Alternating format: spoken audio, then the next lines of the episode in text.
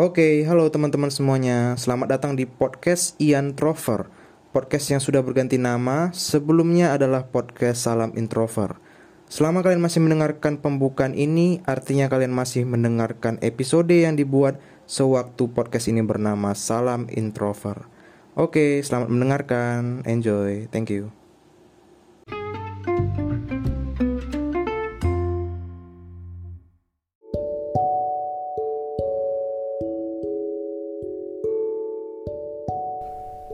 Oke, okay, hello everyone. Apa kabar kalian semuanya? I hope you are in happy mood, happy situation, and stay health of course. Ya, yeah. uh, selamat datang di podcast Salam Introvert. Buat teman-teman yang baru dengerin, mungkin kenalin aku Yan Stefanus di uh, di podcast Salam Introvert ini aku sering berbicara mengenai ya seputar hidup dan segala isinya. Kadang bersama dengan teman-teman, tentang tamu narasumbernya.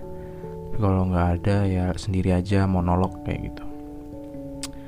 Jadi di episode kali ini aku mau cerita, mau sharing ya tentang how I have views or perspective about this life.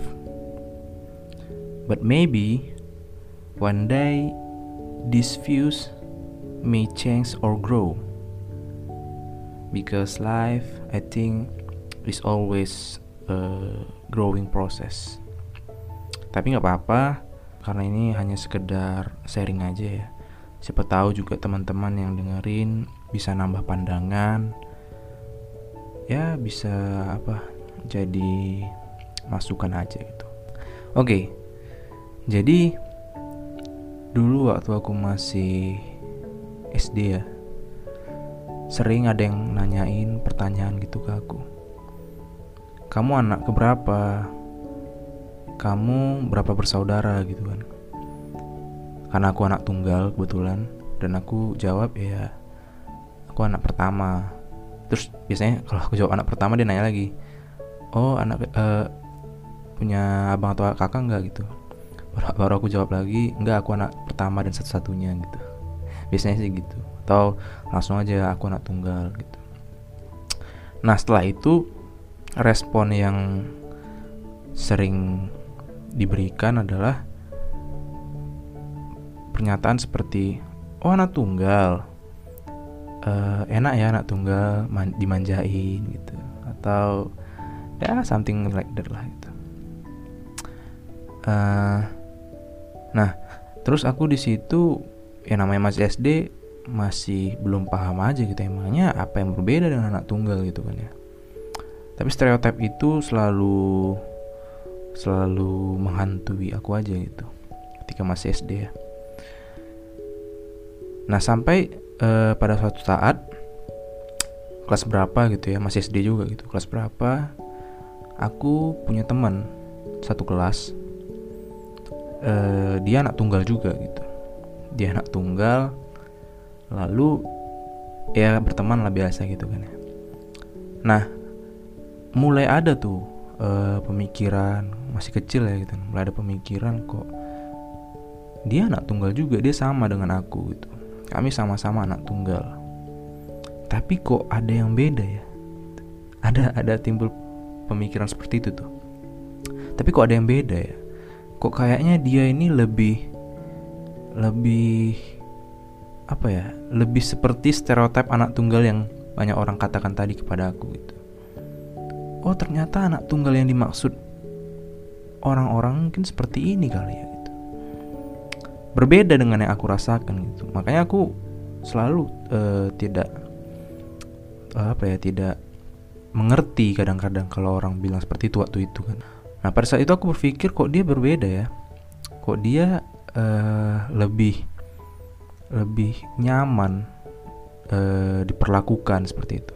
Kok dia lebih uh, lebih terlengkapi dalam segi peralatannya gitu ya anak SD biasa apa yang dilihat anak SD pasti kalau nggak peralatan tulis uh, sepatu tas gitu gitu lah ya. Kok dia lebih pokoknya dia lebih aku melihat ada uh, dia lebih berbeda aja. Pokoknya aku melihat dia tidak sama dengan aku gitu. Meskipun kami sama-sama anak tunggal gitu. Dia dijemput uh, dengan uh, mobil misalnya kan. Terus ya gitulah nah pada saat itu aku mulai sadar bahwa ternyata tidak semua hal yang sama di mata orang gitu yang terlihat adalah sama. Seperti contoh tadi adalah meskipun sama-sama anak tunggal, tapi ternyata tidak sama gitu. Nah, ini yang aku mau cerita di episode kali ini gitu. E, belakangan ini sebetulnya ini udah lama sih pemikiran seperti ini. Cuman baru aku bawain aja di episode kali ini gitu. Udah, udah berapa tahun yang lalu gitu. Nah, sebetulnya bagi kita semua penting untuk mengerti hal ini gitu. Bahwa dalam kehidupan tak semua yang sama adalah sama. Dalam hal apa pun, hampir dalam hal apa pun ya. Sampai saat ini aku selalu berpikir mencoba apa ya men menyesuaikan pernyataan tersebut, pemikiran aku tersebut dengan kehidupan gitu. Hampir hampir seperti itu semuanya gitu. Contoh, misalnya kita punya teman gitu ya. Ada dua orang lah gitu. Ya otomatis kita harus uh, merefleksikannya dengan diri kita gitu ya. Kan nggak mungkin dengan orang yang orang pihak ketiga dua-duanya gitu. Ya bisa aja sih cuman kalau kita mengerti situasi mereka dua-duanya gitu. Tapi kebetulan aku selalu men menyesuaikannya dengan diri aku gitu misalnya gini kita sama-sama punya orang tua gitu sama-sama punya orang tua. Berarti persamaannya adalah sama-sama punya orang tua. Tetapi kita tidak sama dalam hal budaya atau perlakuan orang tua terhadap anaknya, terhadap kita gitu.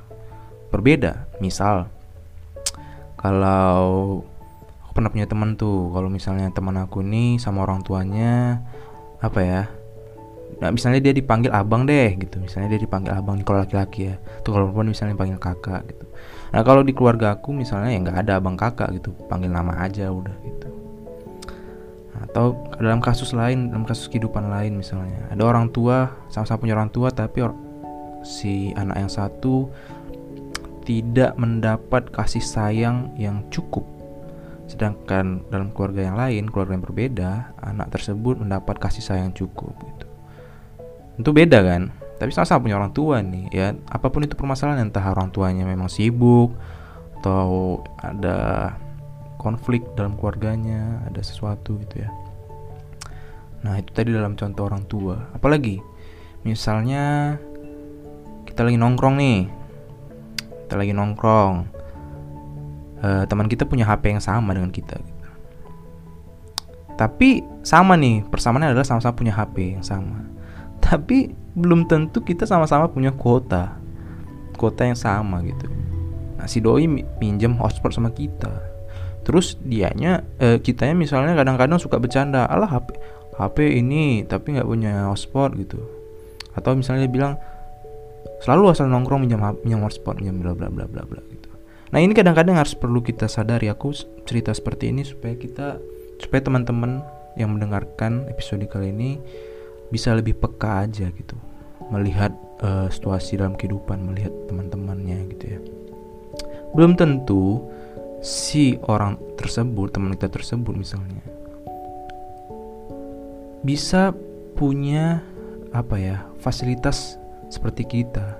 Bisa jadi dia punya HP tersebut atas pengorbanannya untuk menabung atau apa ya?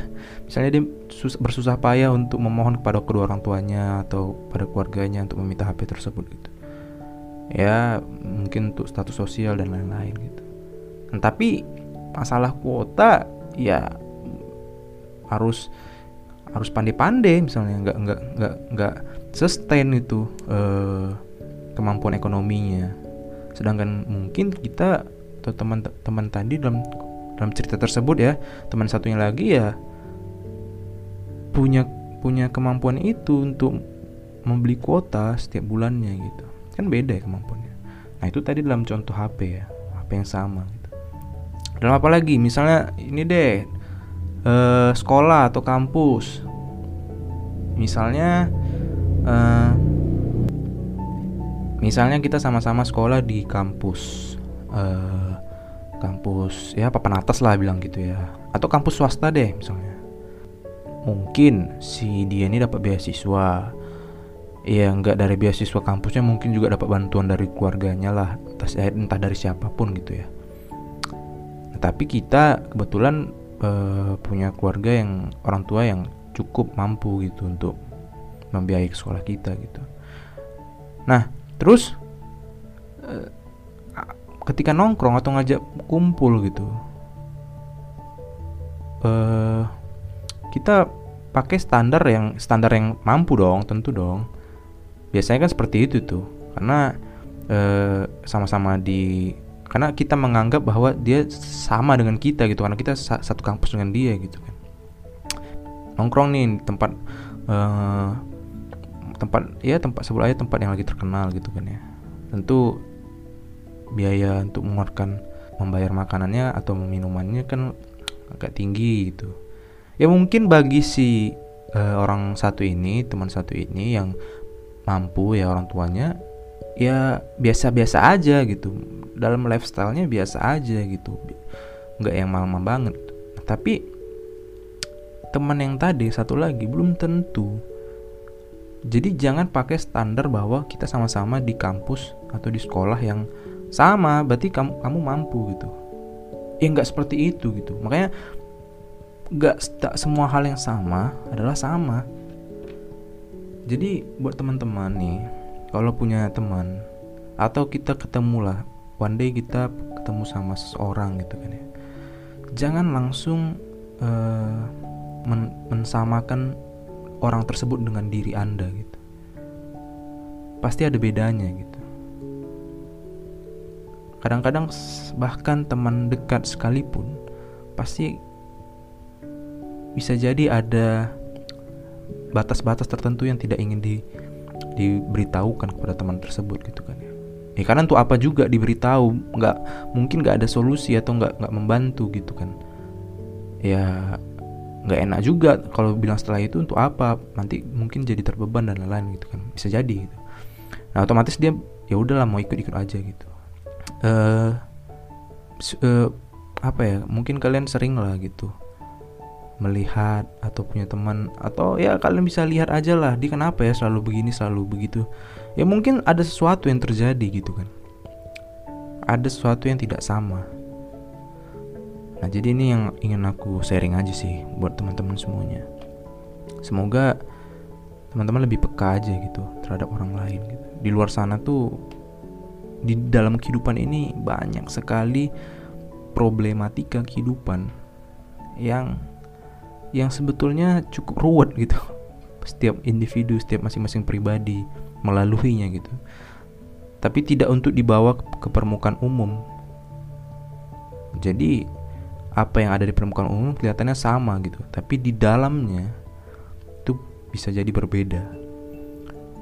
Jadi buat teman-teman uh, lebih peka aja melihat situasi melihat teman-temannya mungkin ya. Apalagi zaman sekarang zaman serba butuh uh, apa ya kita di semuanya dikelilingi dengan lifestyle lifestyle yang udah maju gitu kan ya. Tadi uh, kita banyakin banyakin kasus ekonomi ya sebetulnya tapi nggak nggak hanya tentang ekonomi aja sih sebetulnya tentang sosial permasalahan keluarga dan lain-lain gitu. Tentang pengalaman kehidupan gitu. Mungkin dia pernah kalau perempuan mungkin ya dia pernah ada trauma atau atau laki-laki juga pernah punya trauma gitu terhadap suatu hal gitu. Nggak nggak serta merta maka uh, bisa bisa sama dengan dengan apa yang kita pahami gitu. Karena kita tidak melalui apa yang dia lalui mungkin seperti itu nah itu aja mungkin kalian bisa mengerti apa yang aku sampaikan dan semoga kita bisa terus tumbuh sebagai manusia-manusia yang lebih lebih mengerti tentang arti hidup yang masing-masing kita jalani. Oke, aku yang Stefano. Sampai jumpa di episode berikutnya. Terima kasih sudah mendengarkan. thank you